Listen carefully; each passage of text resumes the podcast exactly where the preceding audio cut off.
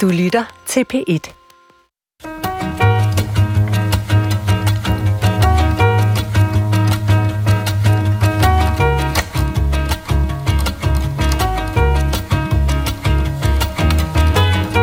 På et leje af kringle og kaffe sænker hele sovnet skuldrene. Det gik som det skulle, blandet med et stænk af storhed over, at dronningen virkelig strejfede sovne.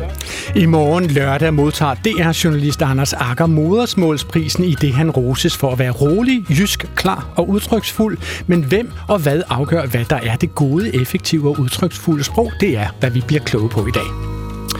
For din radios magiske grønne øje har stillet skarpt på det program på P1, hvor vi nærstuderer sproget og hvad det siger om både dem, der bruger det og dem, der hører det. I dag ser vi på, hvad der gør sprog særligt. Og helt oplagt så har vi inviteret morgendagens prismodtager Anders Akker ind i programmet. Han deltager fra vores studie i Aarhus. Velkommen til Klog på Sprog, Anders. Tak for det. Anders, hvad betyder det for dig, hvilke ord og hvilke sætninger du øh, flækker sammen og kiler ind i dine tv-udsendelser? Det betyder meget. Jeg bruger i hvert fald meget tid på det, men jeg vil sige, at tit er det jo sådan en ret instinktiv øvelse. Altså, en, en eller anden øh, transformation fra reptilhjernen og ned i hænderne, og jeg er ikke sådan særlig god til altid at forklare det. Jeg kan ikke undervise i det.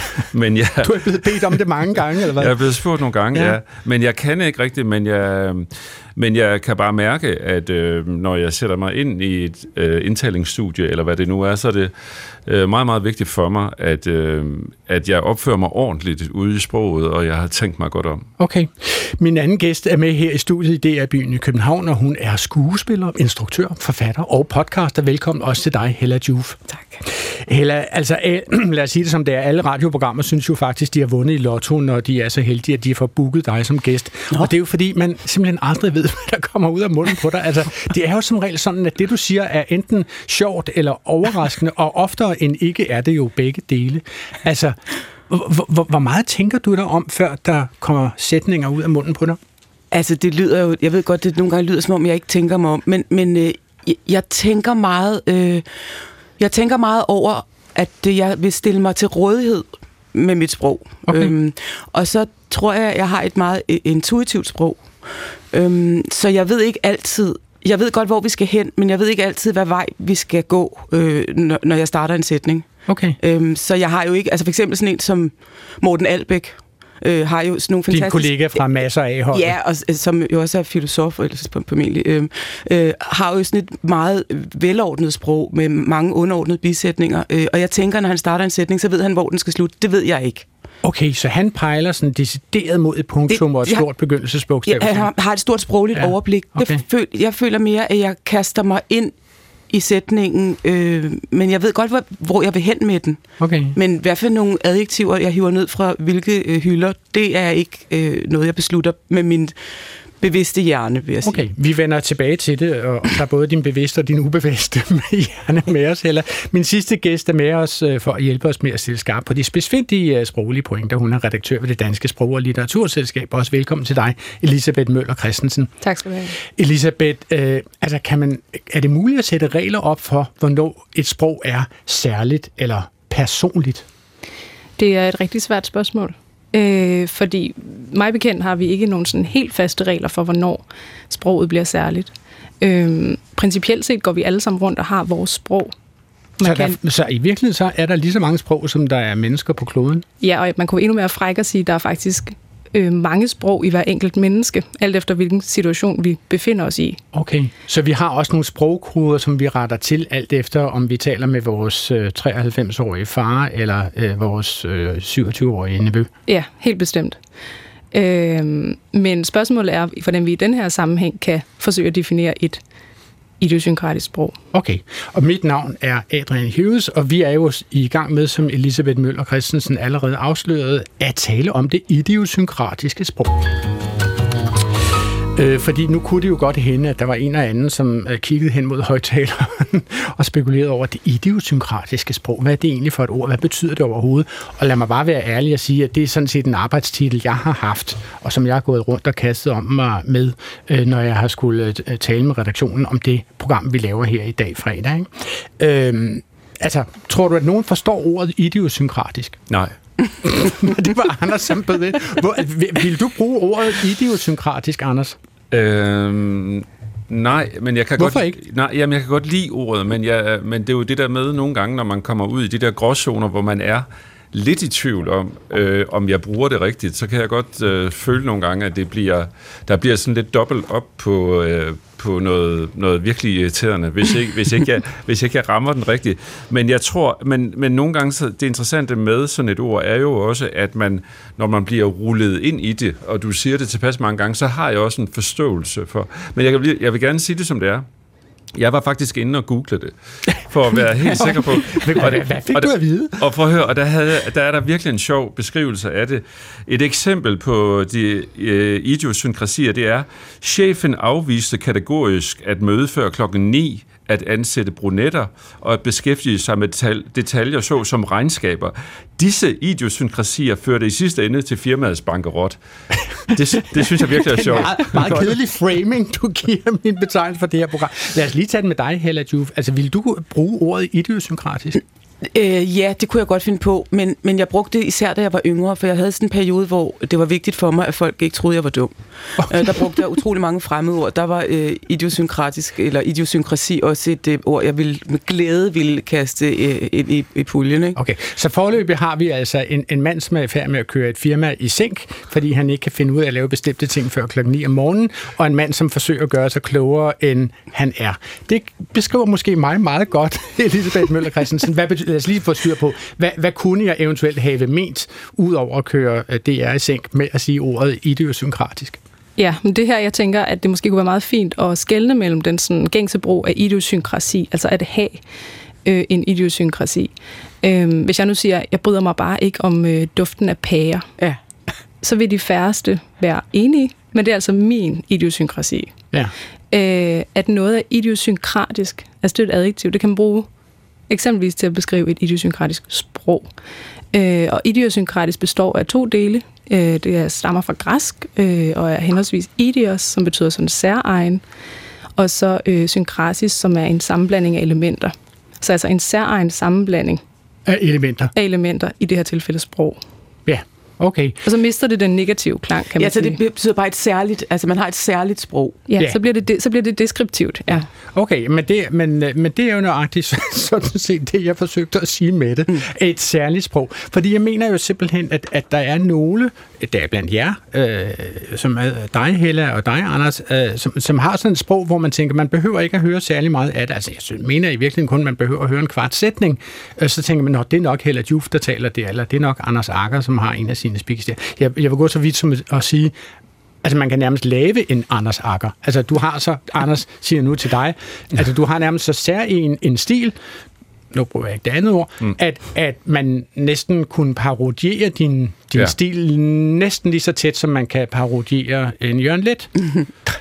Hvad siger du til det, Anders? Jamen det tror jeg jo, altså det er jeg faktisk ret bevidst om, øh, fordi jeg tror, at det er sådan, øh, når man sådan er i det område, øh, sproglige område, som jeg er i, så, så er det også en hårfin øh, grænse om, hvornår bliver man selvhøjtidelig, og øh, hvornår bliver man, øh, hvad skal man sige, Selvsmagende. ja, lignagtigt. Altså nu sagde du det.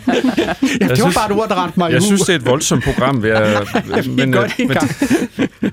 øh, og, der, og, og, det, og det, øh, derfor bliver jeg jo også øh, lidt eller det heller også siger det der med, at man, øh, man bliver nok nødt til ligesom at stole på instinktet, og, og, og man kan sige, jeg tror, grunden til, at nogen måske øh, ret hurtigt eller tidligt kan fornemme, at det er muligvis noget, jeg har været involveret i, det er måske også, at jeg har boet inde i et, et primært et nyhedsområde, hvor vi jo taler øh, Øh, relativt, øh, hvad skal man sige, ulogisk sammen. Altså, vi siger jo i nyhederne med det samme, at det er Botlund, der er morderen, og der er sket det her, der er sket det her, og så lægger vi noget på sådan mere og mere.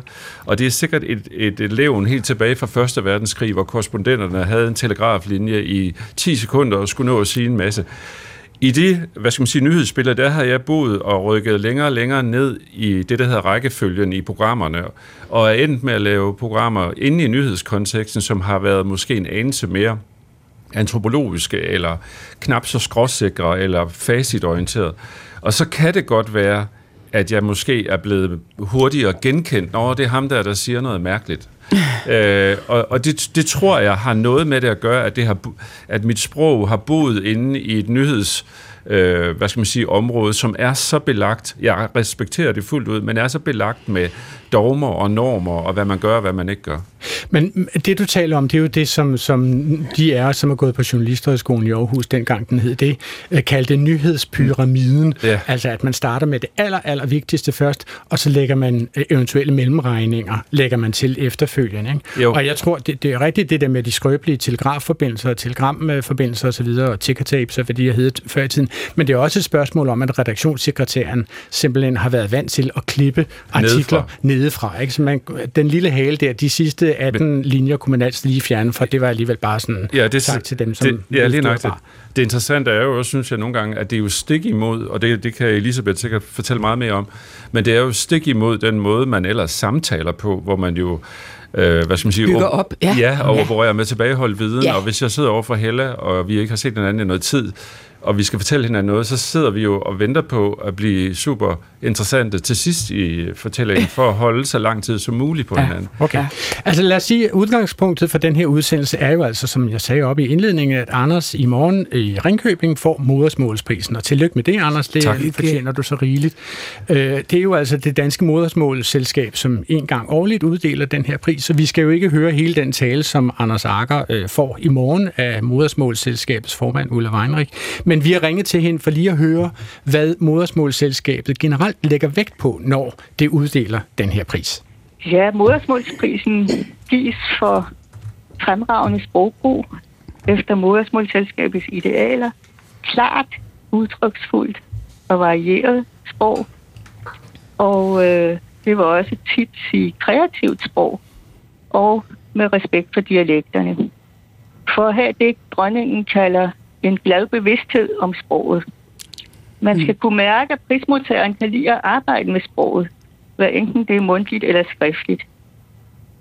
Hvad der er godt sprog, afhænger selvfølgelig af sammenhængen og hensigten. Men der er sprogbrugere, der har deres helt særlige sprogtone eller stil. Så det er, sprog er noget meget personligt, selvom det er fælles. Og så gør vi os umage for at give prisen til mennesker, der arbejder med sproget inden for mange forskellige områder. Så vi skifter mellem journalister, skuespillere, digtere, præster, fortællere, retorikere, sangskrivere, forskere, oversættere. Altså, der er ikke nødvendigvis meget fælles på deres måde at bruge sproget på, udover at de gør det bevidst, så der kommer et flot resultat ud af det, som kan slå igennem over for brede kredse. I år der er det jo så Anders Akker, der skal modtage prisen. Kan du allerede nu afsløre lidt om, hvad det er, I har lagt vægt på der? Ja, Anders er en lidt anden type modtager end de andre, vi har haft. Men øh, han får prisen for sin måde at bruge samtalen på. Så samværet for kvalitet, og så også for sit billedrige skriftsprog. Anders Akker, Ulla Weinrich øh, giver jo øh, sådan set to begrundelser for at give dig prisen her, men hun hæfter sig især ved din samtaleform, som du kan høre ikke, med, med andre mennesker. Så lad os lige gemme dine meget gennemarbejdede speaks til lidt senere, og lige starte med selve samtaleformen. Altså, hvad, hvad er det for et sprog, du møder dine kilder med? Fordi du kommer jo samtidig i meget ømtålige øh, situationer med dem. Hvad, hvad er det for et sprog, du forsøger at møde dem med?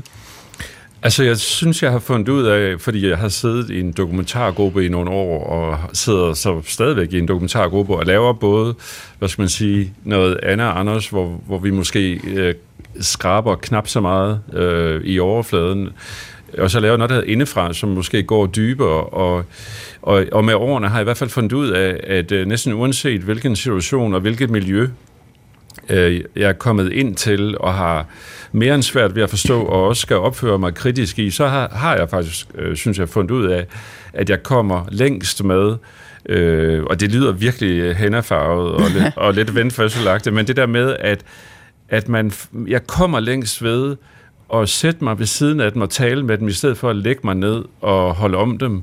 Så jeg, jeg spørger øh, og bruger empati som udgangspunkt. Altså det der med at prøve at forstå, hvem du er, uanset om du har har dræbt to mennesker, eller om du er øh, bimlende psykotisk, eller hvad du er. Og, og, og det kan godt være, at inde i det rum, at der opstår øh, nogle gange en fortrolighed, som kan provokere nogen, men, men måske opstår der i virkeligheden en samtale øh, med et andet menneske, og, og, og så bliver man forhåbentlig klogere øh, og måske mere afklaret i forhold til den situation eller det miljø, jeg er i. Okay. Hella, du bliver jo meget tit inviteret med i podcast og liveudsendelser, som den vi står og laver i øjeblikket. Altså, hvad, hvad, hvad er de, dine tanker om dit spontane sprog? Altså, du siger, at du ikke pejler mod et punktum, men at du forsøger at stille dig til rådighed. Kan du sige noget mere om det?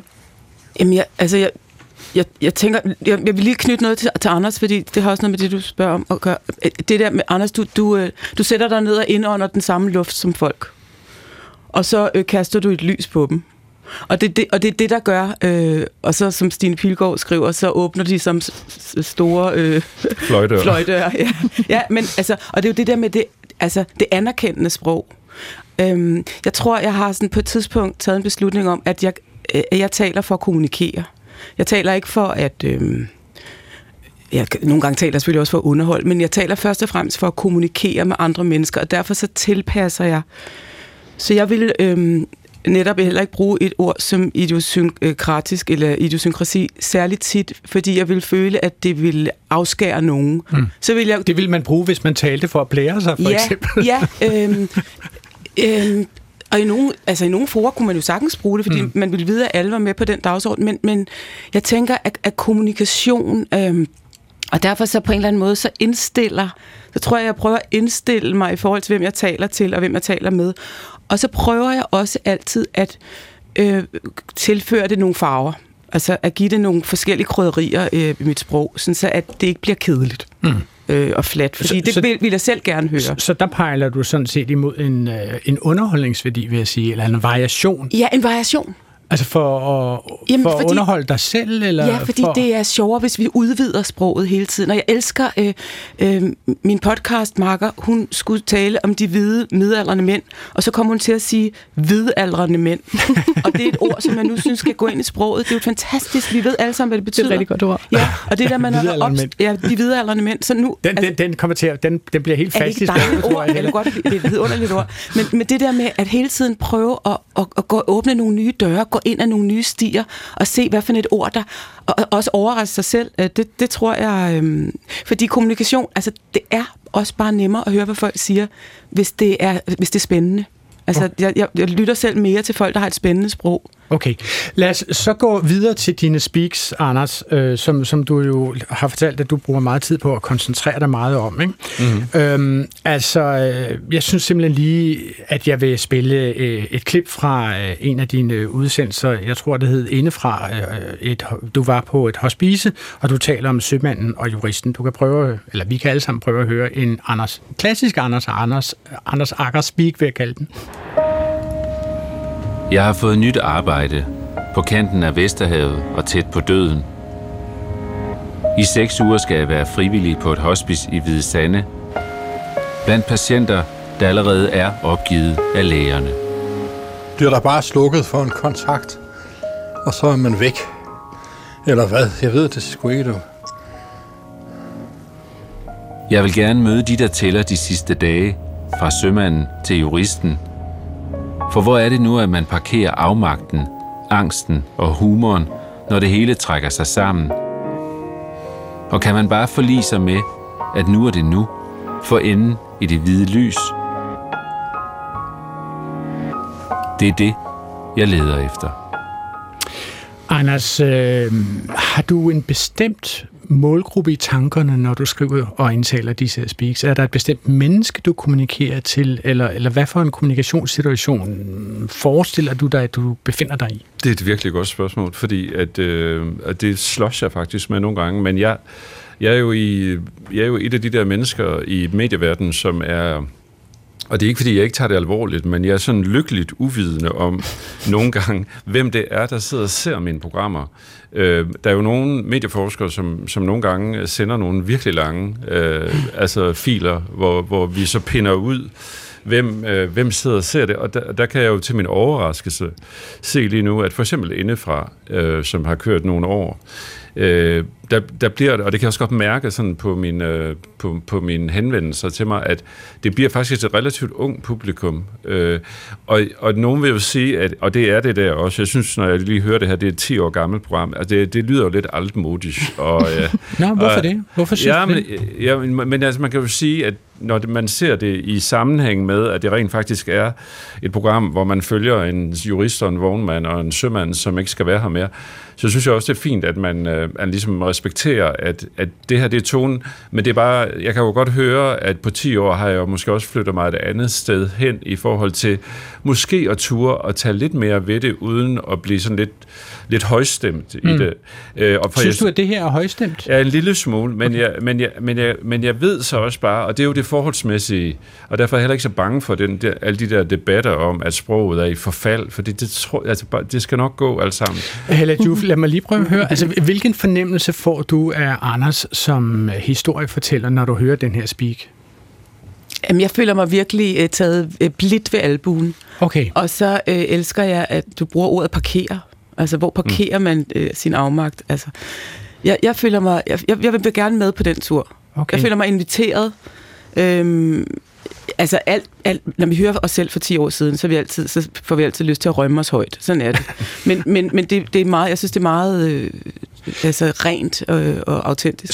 Så hvoraf kommer den fornemmelse af at blive taget ved albuen? Fordi jeg giver dig ret, altså, øh, man, man hviler i gyngen, når man er sammen med Anders i fjernsynet. Ja. Øh, man, man regner med, at han styrer bilen, det skal nok gå alt sammen. Han trækker os øh, fra start til mål, Ja. og, og, og vi er meget trygge ved det, eller det er i hvert fald min holdning, min oplevelse af det. Ikke? Jo. Men, men hvoraf kommer den fornemmelse? Kan du øh, give et bud på det, Elisabeth? Ja, det tror jeg godt, jeg kan. Øh, noget af det, som er helt sådan, særligt ved, ved Anders Akkers sprog, er jo, at det faktisk består af to dele. I hvert fald det sprog, som, som vi ser i fjernsynsudsendelserne. Øh, der er det åbne sprog, som Helle var inde på før, altså, som simpelthen er spørgende, nysgerrigt, øh, ikke fordømmende. Øh, og altså det, når Anders er sammen med sine kilder og sine interviewpersoner? når han går ud i verden og ja. ligesom er mikrofonholder for virkeligheden. Ja. Øhm, og det er en tilbageholdt Anders Akker. Og så er der den anden Anders Akker, som laver de her meget, meget fine speaks, som øh, introducerer programmerne, afslutter programmerne osv., øh, som han har eller det ved jeg ikke, Anders, det må du kunne svare på, men man fornemmer, at, at, at du har brugt rigtig meget tid på dem. De Mm. har et højt niveau. Mm. Øhm, Hvordan, hvordan øh, definerer du det høje niveau? Er det, er det likstal, du taler om? Eller hvordan kalder, hvad, hvad mener du med højt niveau? øh, jeg mener et sprog, som ligesom er på kanten af hverdagssproget. Okay. et sprog, som øh, tør, tør bruge nogle udtryk, som vi øh, altså normalt ikke ville tage i vores mund. Øhm, Kan du, kan du komme i tanke om nogle eksempler på det? Altså ord, som Anders siger, som han ikke ville sige, hvis han stod med røjser på og talte med en mand med en høtyv? Altså, øh, Hella var selv inde på det der med at parkere afmagten. Okay. Altså, parkere, hvornår parkerer man ellers? Det gør man i en bil, ikke? ja. Øhm, passer det med et ord som afmagt? Nej, umiddelbart ikke. Men det udvider faktisk sproget. Det udvider det, vi kan bruge sproget til. Altså udvider, altså hvad skal man sige, man, man får mulighed for at beskrive nogle ting, man ikke ville kunne beskrive ellers. ja.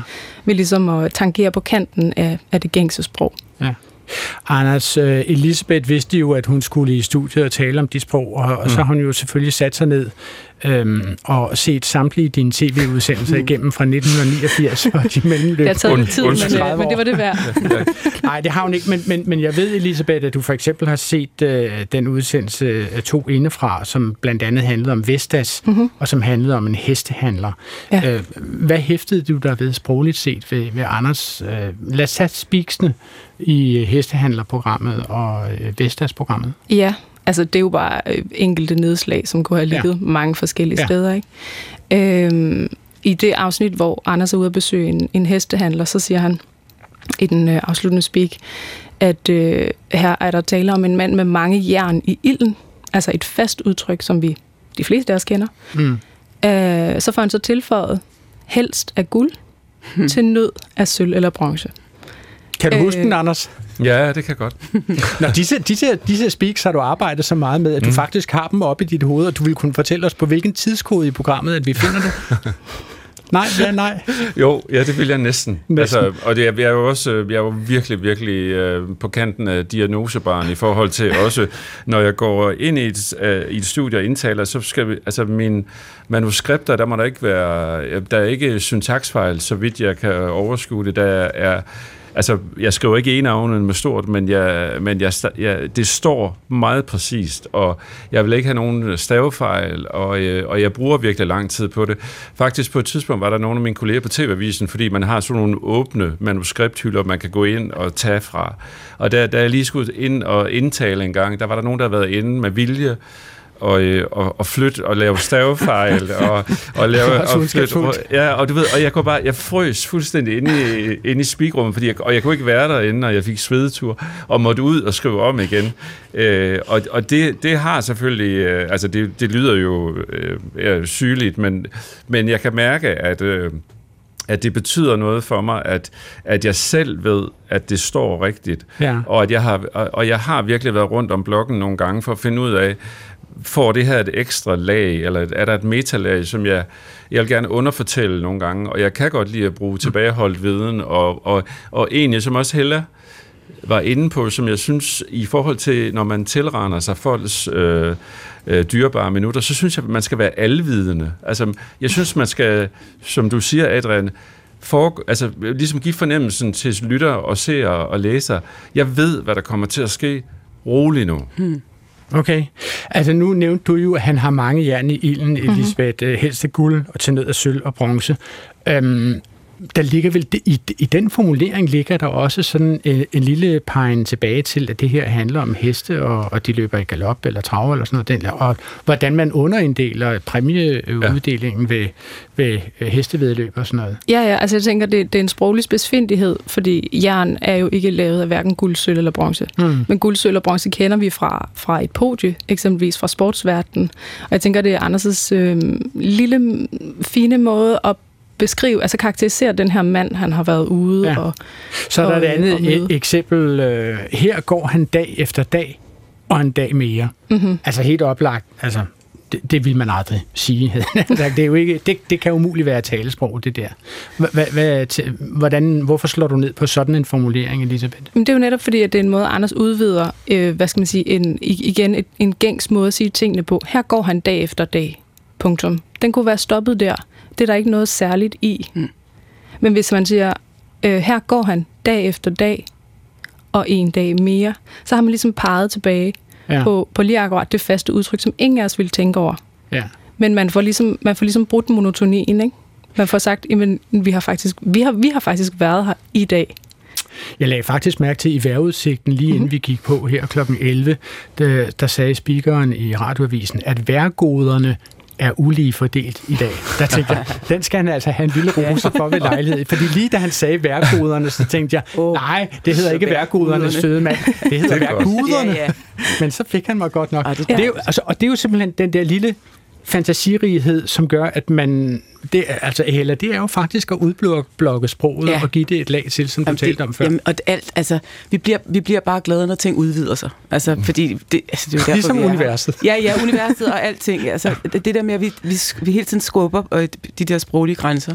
Jeg vender lige tilbage til det, vi spillede helt op i indledningen af programmet, altså hvor Anders øh, får sagt, på et leje af kringle og kaffe sænker hele sovnet skuldrene, blandet med et stænk af stor storhed, tror jeg det var, over at dronningen virkelig strejfede sovnet. Altså, øhm, stænk af storhed. Stænk af storhed. Stænk Hvad synes du om det, Elisabeth? Ach, det er sjovt, du spørger, for jeg synes faktisk ikke, jeg synes faktisk ikke det er der er Anders' øh, allerbedste. Nej, hvorfor ikke? øhm, det, er fordi det, det er fordi, det er mere deskriptivt, end mm. det er vurderende. Øh, og, og, og det er noget af det, som jeg, altså, som jeg øh, øh, synes, Anders er rigtig, rigtig god til, det er med sproget og give sin egen lille vurdering. Altså modsat det, han gør, når han er ude blandt folk, hvor der ingen vurdering er, hvor der bare er plads til at fortælle, mm. hvordan er det at være dig lige nu, hvor jeg får lov til at følge dig, så kan speaksene ofte være øh, små kommentarer til det, der er oplevet.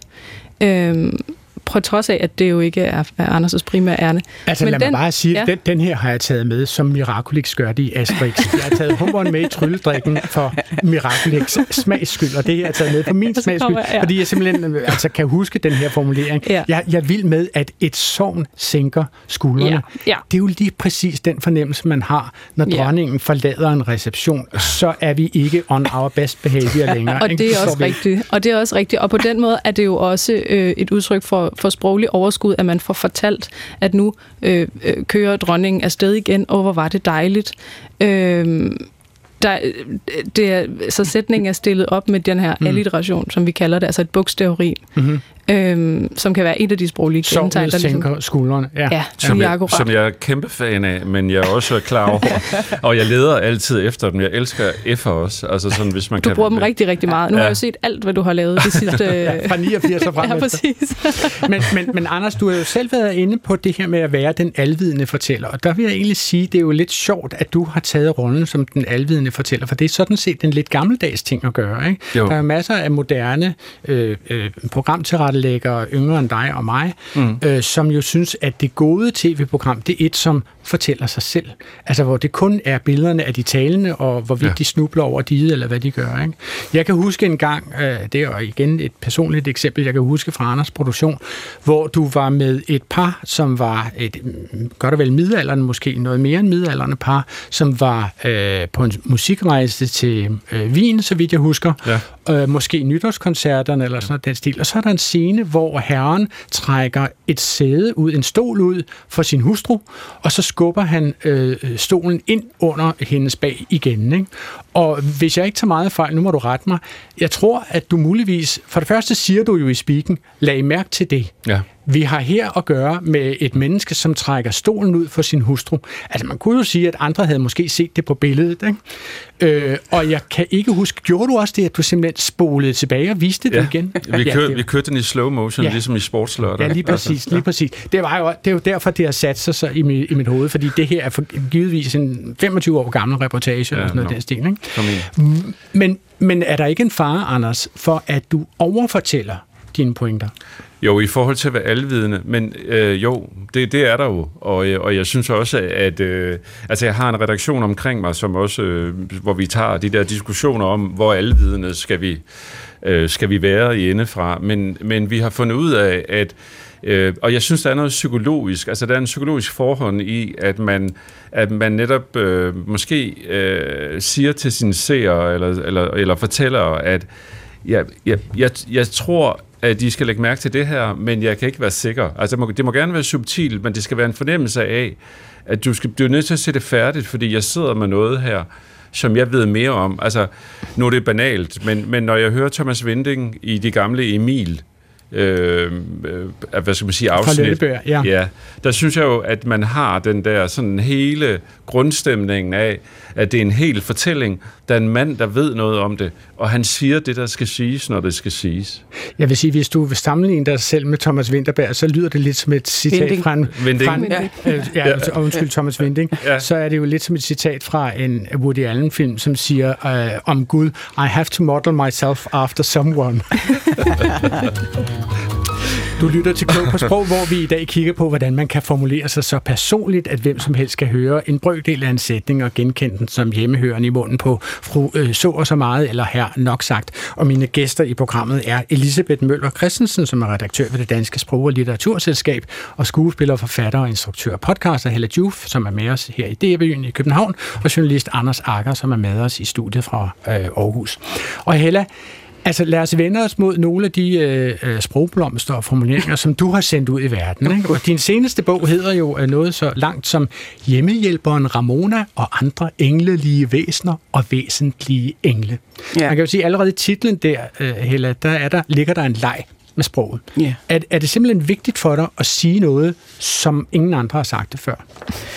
Åh, oh, altså i gamle dage, når vi lavede teater, så var det altid vigtigt. Øh, der var altid en, stor, en instruktør, der fægtede med armene og sagde, vi skal lave noget, der aldrig er set før. Og jeg, jeg har altid tænkt, det er jo ikke nødvendigvis... Øh, der er jo måske nogle gange en grund til, øh, at ting ikke er set før. Det er jo fordi, vi ikke har efterspurgt dem, eller fordi vi ikke skal bruge dem.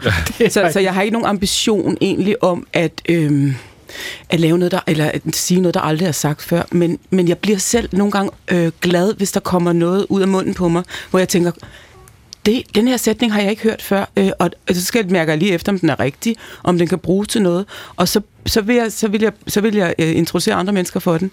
Men det er også det er en undersøgelse. Ja. Altså, det er sådan en, en opdagelsesrejse. Elisabeth, hvor, hvorfor er det, at den her titel sådan ligesom altså, pirrer de små grå og, og krasser lidt i vores, øh, vores sprogbevidsthed? Øhm, det tror jeg, der er flere grunde til. Altså for det første, så spørger man sig selv, hvem er hjemmehjælperen Ramona? Det, Ja. vil, det vil vi Der er, rigtig der er gerne allerede det en gåde. Ja. Ja. ja, der bliver henvist til hende, så selvfølgelig. Ikke? Øh, men jeg vil sige, det er den anden halvdel af titlen, der faktisk er den, øh, den sådan sprogligt mest sofistikerede. Altså andre englelige væsener og væsentlige en- engle. Øh, der er altså det, vi kan kalde sådan en sproglig kiasme, altså en, en omvendt stilling. Øh, af Vidste du, du havde lavet en kiasme, eller? ja, måske. Det var helt... Øh, Uh, det Ja, kilder. helt uskyldig ud. ja, frygteligt. Ja, ja. Nej, altså... Fik du også en kiasme? Øh, nej, altså det er simpelthen øh, sammenstilling af englelige væsener og væsentlige engle. Ja. Ja. Altså de er så ligesom modsat, altså i modsatte par, kan man Ja. sige. Ikke? Ja. Øh, og hvad er englelige væsener? Altså væsener er jo i sig selv noget udefinerbart. Ja. Men her har de altså fået adjektivet englelige.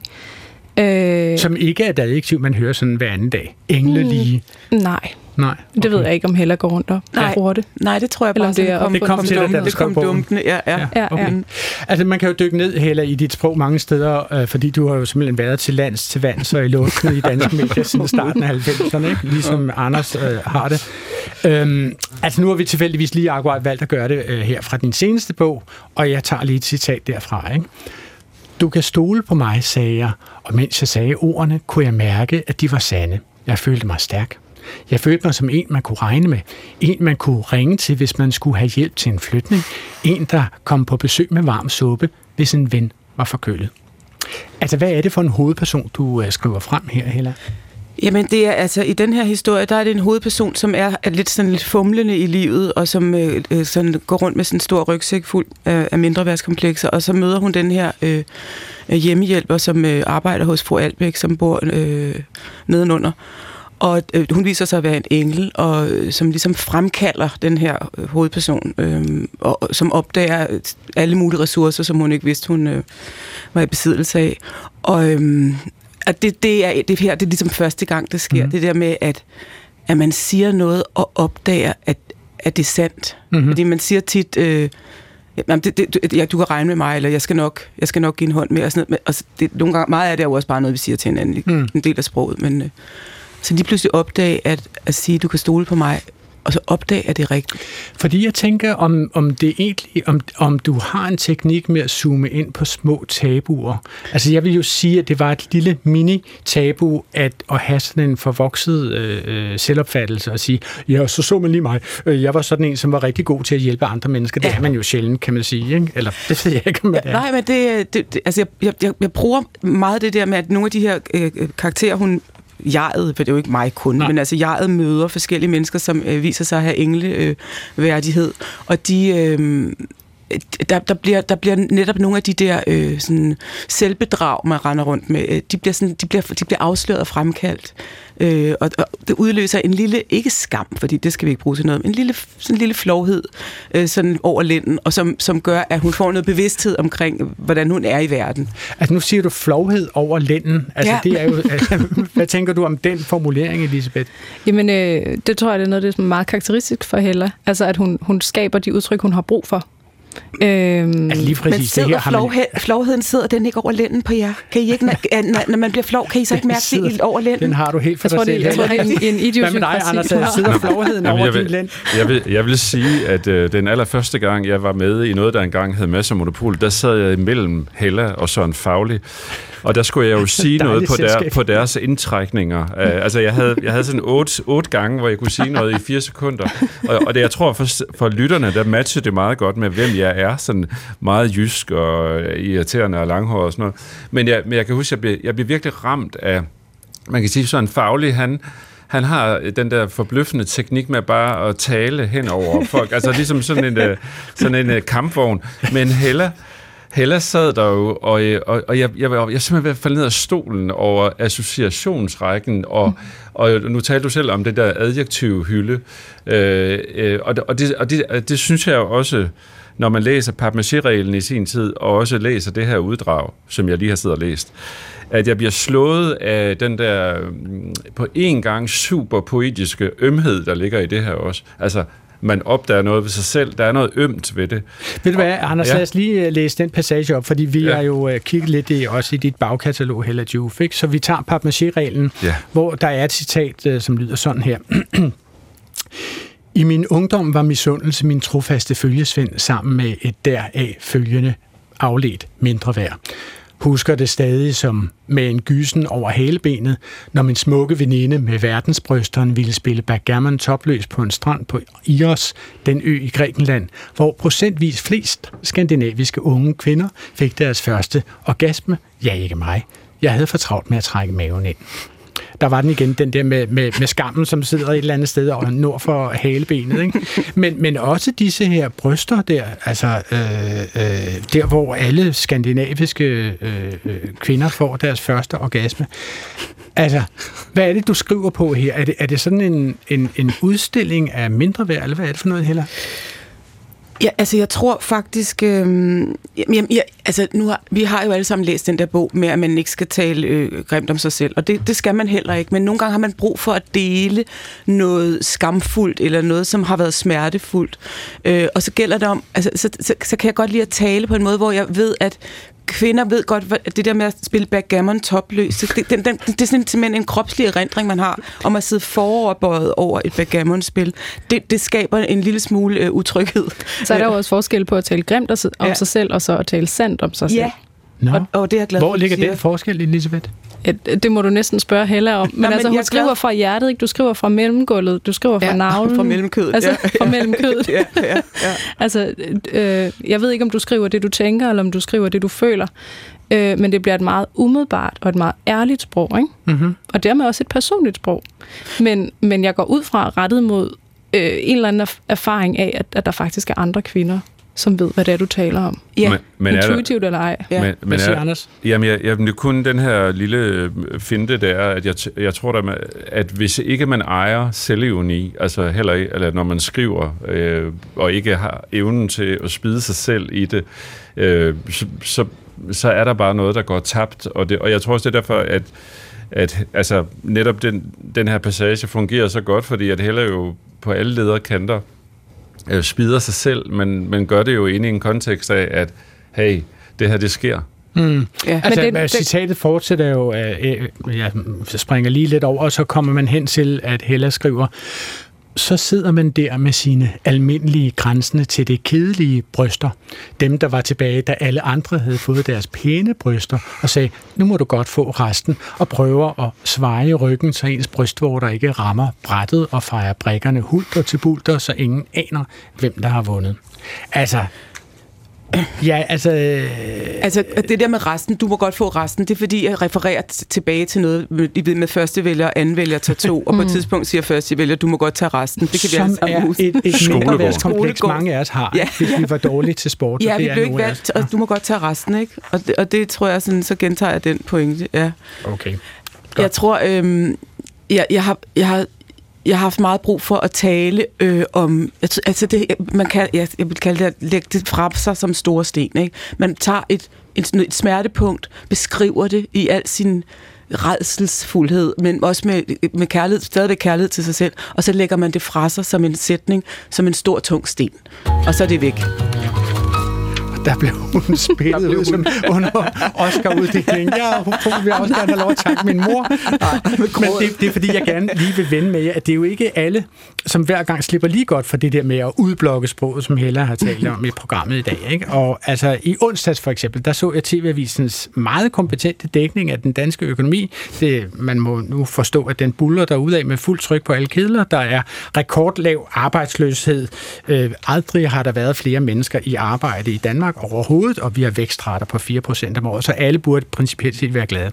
Først så hører vi i det her klip den aarhusianske økonomiprofessor Michael Svare beskrive regeringens store pengeudpumpninger, og han forsøger sig med en metafor, som så går på stylter i resten af, af, af, af indslaget, vil jeg sige. Man spyttede en masse penge ud og opkøbte statsobligationer for at holde hånd under de lande, der var allerhårdest ramt der.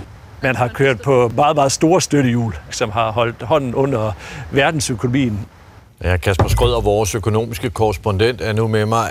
Verdensøkonomien har været nede i et dybt hul på grund af corona. Det var ikke et særligt ønsket hul, og det var også et meget mørkt sted. Den gode nyhed er, at vi kom rigtig hurtigt op af det. Når vi kom rigtig hurtigt op af det hul, så handlede det om hjælpepakker fra regeringen. Det har altså øh, gjort, at verdensøkonomien sådan set er steget som en raket op af det der hul, der var coronakrisen. øh, og oh, har båret yeah. os, øh, os frem. Så skulle man tage og øh, tappe lidt af det der raketbrændstof af, fjerne støttehjulene, som Michael Svare siger.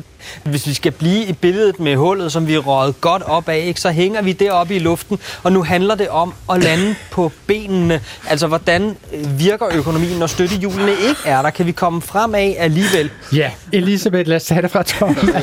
Hvordan, hvordan synes du, det går her, Elisabeth. Møller Christensen? Øh, jamen, da jeg hørte det her øh, klip derhjemme, øh, der tror jeg, jeg kom op på plus 13 ja. metaforer på under et okay. minut. Ja. Ja. Nå. Hvad er det for 13 metaforer? Øhm, nu kan jeg ikke lige ryste mod ærmet, men, men det er det, man vil kalde døde metaforer. Hvorfor er de døde? Jamen, altså, altså det, ja. lad os bare sige det. Altså, for det første bliver der jo sagt, at, at udpumpe penge, den, det, det som hedder, nu siger jeg det så mhm. langsomt, ikke? Mm-hmm. den ekspansive pengepolitik, altså mm-hmm. det der med, at regeringerne pumper mange penge ud i samfundet, mm-hmm. eller man en ekspansiv pengepolitik, mm. det, det kalder Michael Svare, at vi kører med store støttehjul. Mm. Der tænkte jeg sådan umiddelbart, hvad siger du til det, Hella? Da jeg hørte store støttehjul, så tænkte jeg, den, den, den, er, den holder. Ja, det, det, det er vel fint. Det er ja. fint, og den kan, godt, den kan godt gå. Og du kan godt se en lille barnecykel for dig, som har fået støttehjul på, ja, ikke? jo jo. Ja, okay. Og så havde man også en kosteskaft øh, præcis, på. Præcis. Så den er heller ikke helt død, hvis jeg skal... Nej, hvis jeg skal ja. Hvad hvis synes du om den, Anders Akker? Øh, altså, de store støttehjul. Jamen sådan isoleret set, øh, synes jeg, at en økonomi, der kører med støttehjul, kan jeg godt lide, men, godt. men det hele falder jo lidt fra hinanden. ja, og hvorfor, hvorfor Anders? Jamen fordi, at man, altså, som Elisabeth siger, at det, der er jo en altså, jo kø Ja. Altså på motorvejen. Nej, det er et harmonika sammen, det vil jeg kalde det. Fordi så kommer det jo, altså så, at vi har jo været nede i et mørkt, sort hul. Mm-hmm. Det er også kedeligt at være nede i et hul. Man kunne have været nede i en brønd, eller man kunne have været faldet ned i en brønd, man kunne have faldet ned i en slugt. Altså, det er kedeligt at være nede i et hul. Jamen, det er vel okay, at altså, man må, ja, vi er der mange, der er forbløffet over, hvor godt vi er kommet igennem coronakrisen, ja. kan man sige. Altså, hvem kunne have troet, at man kunne overleve, at alle mennesker blev beordret hjem og sidde hjemme foran deres computer, og at økonomien sådan set kunne klare sig nogenlunde igennem alligevel. Det er der et eller andet sted at være nede i et hul. Ja. Ja. Så er der så spørgsmålet, Altså i hvert fald, hvis man er en økonomi, ikke? Ja, ja. Så er der så spørgsmålet, så kommer man op af hullet med raketbrændstof måske, som man nu skal begynde at enten hælde på eller tage fra, og så skal man lande på benene. Ja, ja, ja. Kan man lande på benene fra en raket? En raket. hvis, man, hvis, hvis man er en økonomi. Altså det er jo det, det, man, det, det, det, det, man skal spørge sig selv om. Ikke? Altså hvordan kan vi få beskrevet noget, der er så abstrakt som økonomi, mm. på en måde, sådan så at den øh, gængse lytter er helt med på, hvad det er, der foregår. Ja. Nu skal man jo sige, at det her er jo ikke Anders, som sidder i et lydstudie Nej. og har haft 14 dage til at skrive sine speaks. Det er jo noget, der kører direkte i, i fjernsynet, når man sådan svarer på et spørgsmål. Jamen, der er også blevet lidt konkurrence om øh, metaforerne. Altså det tror du? politiske debatprogram. Ja, det synes ja, okay. jeg. Også når man ser bedserviserne og sådan noget. Der, der, der, der har de været hjemme og og, prøve at finde noget frem. Ja, de har fundet det Men lad, lad mig høre en gang fra dig, Hella. Altså, findes der udtryk, som du tænker, det her kommer jeg ingen sinde til at bruge øh, offentligt? Ja, øh, og så smutter det jo alligevel. Men altså, jeg bliver træt jeg bliver træt, når folk siger, så kan han lære det, fordi det, det er slitsomt. Eller hvis nogen formaster sig til at skrive, det er en ommer i et, et læserbrev, så får jeg migræne og må ind og, og lægge, lægge mig, fordi altså, det, det, Øh, det, altså, øh, og så kan man jo igen, så kan man jo igen tage gamle udtryk frem fra, fra barndommen og, og, og, sådan, og genopfinde dem, og så bliver det lige pludselig sjovt, fordi så har vi alle sammen, det vi kan huske det, men jeg, men jeg, jeg, jeg, jeg synes, øh, jeg vil skamme mig, hvis, der er nogle gange, hvor jeg tænker, uh, det, var, det, var, det, var, det var for slatten, det der. Det, det, var, det var ikke værdigt. Men det vil også, hvis man har, jeg tænker, hvis man har gehør for sproget, ikke, så vil man gerne have de der nydannelser, ja. og, de, og de fine af dem, altså dem, der udvider sproget, ikke dem, vi alle sammen går og siger hele tiden. Ja. Øhm, Så hva- hvad er det for nydannelser, som du synes udvider sproget på en, lad os kalde det, fin måde, eller en god måde? altså, det kommer også sandelig an på, hvor man kigger hen, og hvad Mm. det er for en- et slags sprog, man er interesseret i. Øhm, Men er, der- er der mode i det, Elisabeth? Er der mode i, hvilket sprog, som for tiden er godt at bruge, eller fint at bruge, eller har en autenticitet, eller sådan noget? Øh, ja, det tror jeg godt, man kan sige. Øh, og igen, så kommer det an på, hvem man spørger. Altså, nu, nu, nu har vi jo sådan set spurgt modersmålselskabet, kan man Ja. sige, og de har jo så givet prisen til Anders, Præcis. fordi han taler jysk. Præcis. altså, Det er, øh, helt klart en, det er helt klart en del. Altså, du siger, det autentiske sprog ja. Er helt sikkert øh, noget, man værdsætter i dag. Øh, og det er øh, modsat tidligere, hvor man måske gjorde lidt grin med dialekterne, så, øh, så tror jeg faktisk, det er noget i dag, som ligesom virker forankret. Ikke? Man ja. står ved sig selv, hvis man har sin dialekt. Altså, Anders, har du simpelthen været trailblazer for dem, som fik lov til at tale jysk i tv-avisen? Øh, måske. Altså, jeg kan, jo, jeg kan jo også godt nogle gange blive lidt træt i hovedet af en hest, når, jeg, når det er det, altså, der bliver øh, altså, fremhævet, altså, at jeg umiskendeligt øh, er fra Jylland, ikke? Men jeg, jeg har jo lært, fordi jeg, altså jeg er jo fra en tid der, hvor der kom, øh, hvor der simpelthen kom, øh, hvad hedder det, talepædagoger, øh, og der er ingen, der ville høre, hvordan jeg talte for 20 år siden. Øh, så, så, så, så der er jo også blevet, hvad skal man sige, skabt sådan en øh, midtbane, hvor jeg, hvor jeg er nu. Øh, Mhm. mm-hmm. Og øh, man kan se, og lige i relation til det, der blev sagt før, altså jeg, jeg er heller ikke sådan, altså jeg er overhovedet ikke sprogfundamentalist. Jeg er ikke sådan en, der løber ud i sproget og råber efter folk, som ikke øh, kører ordentligt. Øh, men, men, men jeg vil sige, der er sådan nogle ord, altså Alex, det Elisabeth og, og Hella er inde på, hvor jeg, hvor jeg bare tænker, at det er skabt af politikere og et kommunikationssprog, som Hvad jeg, er det for nogle ord, Jamen, for eksempel, nu, jeg, jeg har lige været forsøgt at skrive dem ned nu her, lige der, altså melde ud, jeg fatter ikke, hvor det er opstået henne. Øh, altså de der, de der dobbeltkonfekt ting, at starte noget op, at åbne noget op, Åbne op. tiltag, Fremadrettet. fremadrettet tiltale, i talesætte. Altså, og der, der, der må man sige, der bliver jeg, ud af ja, skabet. og jeg bliver, jeg, jeg bliver virkelig altså, sådan noget øh, vej- vejvrede altså, med ord. Jamen, det er så fint, Anders. Man kan, Anders, man kan også sige, at nogle af de eksempler, du hiver frem, det er måske bare eksempler på sådan dårligt, Dårligt eller sprog. kedeligt sprog. Ikke? Ja. Jeg synes straks, det er værre, når det bliver politisk. Altså man begynder at sige bekvemmelighedsflygtning eller asylshopper Ja, eller er sådan noget. Altså de er ligesom, de er ligesom designet Ja. Bag linjerne, Ja, de, de, ikke? de og så har går man ud for ligesom hensigt. at... Ja, ja, det er nogle Præcis. ord, der, det er ligesom, når man diskuterer et bestemt byggeri i København ude på Amager, øh, på, som skal ligge på en losseplads, at der er der en ma- masse mennesker, som forsøger at beskytte den lo- losseplads ved at kalde det for Lærkeslæg. lærkeslæg. Ja, ja, men noget- det ord er jo... Altså, Men, men Hella, prøv lige at høre, du, du er jo også instruktør og manuskriptforfatter, altså, ja. Ja. du, og det betyder jo, at du arbejder med replikker. Ja. Øhm, er, der, er der ord, som du synes sniger sig ind i replikker, som bare ja. Ja. ikke må være der? Ja, ja. Hvad er det for noget? Nå, men jeg, altså jeg har, jeg, jeg, der, er- og jeg, der er jeg fundamentalist. Øh, hvis I ser danske film, så starter alle replikker med, øh, prøv lige at høre. og jeg var inde og se Shakespeare på det kongelige teater, og der kunne jeg høre, at en af skuespillerne startede med en og så blev det bare til sådan en halslyd, og så kom blankverset. Og det er, det er jo den største... Øh, altså, jeg, jeg, jeg siger til mine skuespillere, hvis I starter en replik med prøv lige at høre, så kan jeg ikke være i jeres øh, nærbillede på forkanten, fordi jeg klipper det ud. Øh, jeg kan tit godt lide at have forkanten inden replikken med, så den, den kommer ikke med. Hvis man sætter sig ned og klipper, øh, prøv lige at høre ud af en dansk film, så har man fem minutter, som man kunne have brugt på, på den rigtige film. øhm, så, og, der, og der er jeg fuldstændig fundamentalist. Og jeg siger også altid til skuespillerne, prøv at sige det, der står, for det har været inde i munden. Okay. Men det kan godt være, at, at vi skal lave det om, men prøv lige at starte med at sige det, ikke? Jeg vil gerne lige nå et øh, lytterspørgsmål, måske to øhm, øh, her mod slutningen. Øh, Det første lytterspørgsmål kommer fra Annie Bryderup, som beklager sig over, at faste vendinger forandres ved misbrug. For eksempel sammenstillingen både og øh, nu bliver til både men. Og så hørte hun i radiovisen en journalist sige både eller. Og, og Annie øh, Bryderup oplyser i den her sammenhæng at have tabt både underkæben og sammenhængen i indslaget. Så det gik, der, der var meget i vejen. Altså, både eller Hvordan kan det sådan en fast talemåde ændre sig, Elisabeth Møller Christensen? Jeg tror, i det her tilfælde er der nok øh, tale om en menneskelig fejl. Nå, okay. Jeg tror du tror ikke, simpelthen den var, ikke, det det var en simpelthen tendens. ikke med vilje. Ej, Men man det kunne, godt ikke. lægge, man kunne godt give en, en, øh, en karakter til sproglig sær, øh, særtegn, ikke? At sige både. Men, men Hella, vil du for eksempel finde på at sige både, men vi skal både sørge for, at der er masser af øh, vand i karret, men vi skal også sørge for, at der er god lavløb. Nej, men jeg kan godt, jeg godt kunne skrive en karakter frem, der gjorde det. Altså, Okay. jeg, har også, jeg havde også en Hvad karakter... vil det så sige om den karakter? Jamen, det, vil, det, må, det må vi jo se, alt efter hvem det blev. Men jeg havde en karakter på et tidspunkt, som sagde, det kan jeg godt love dig med. Og det skrev jeg ind i, det skrev jeg ind i den her bog, og så sagde min redaktør, det vil folk tro er en fejl. Så siger jeg, det kan du ikke høre det? Så hun, jo, men de starter jo med at læse det. Så, men det kan jeg godt love dig med. Det finder jeg mig ikke i. Det, det, perfekt. det ved vi godt, hvad er for en dame, ikke? Den sidste sprogblomst, som vi kan nå at få med her i dag, ved at hente fra din seneste bog, Hella, og det er jo hjemmehjælperen Ramona og andre englelige væsener og væsentlige engle. Og citatet er simpelthen det sidste. Tak fordi du var med så langt. Husk, der er engle overalt. Og hvis du befinder dig et sted, hvor de er i restordre, så find dine egne vinger frem. Måske ligger de bagest i skabet. Restordre, Hella? Hvor får du det fra? Det er et godt ord, det kan jeg sige. Restordre. De ting er i restordre. Ja. Det her i restordre. Ja. Det, er- altså, men det er jo et super gammelt ord. Det er nærmest som mellembys og noteringen eller sådan noget, den stil. ikke? Æg giver Restordre, ja, ikke ja. 45. Vil du bruge et ord som restordre, Anders? Nej.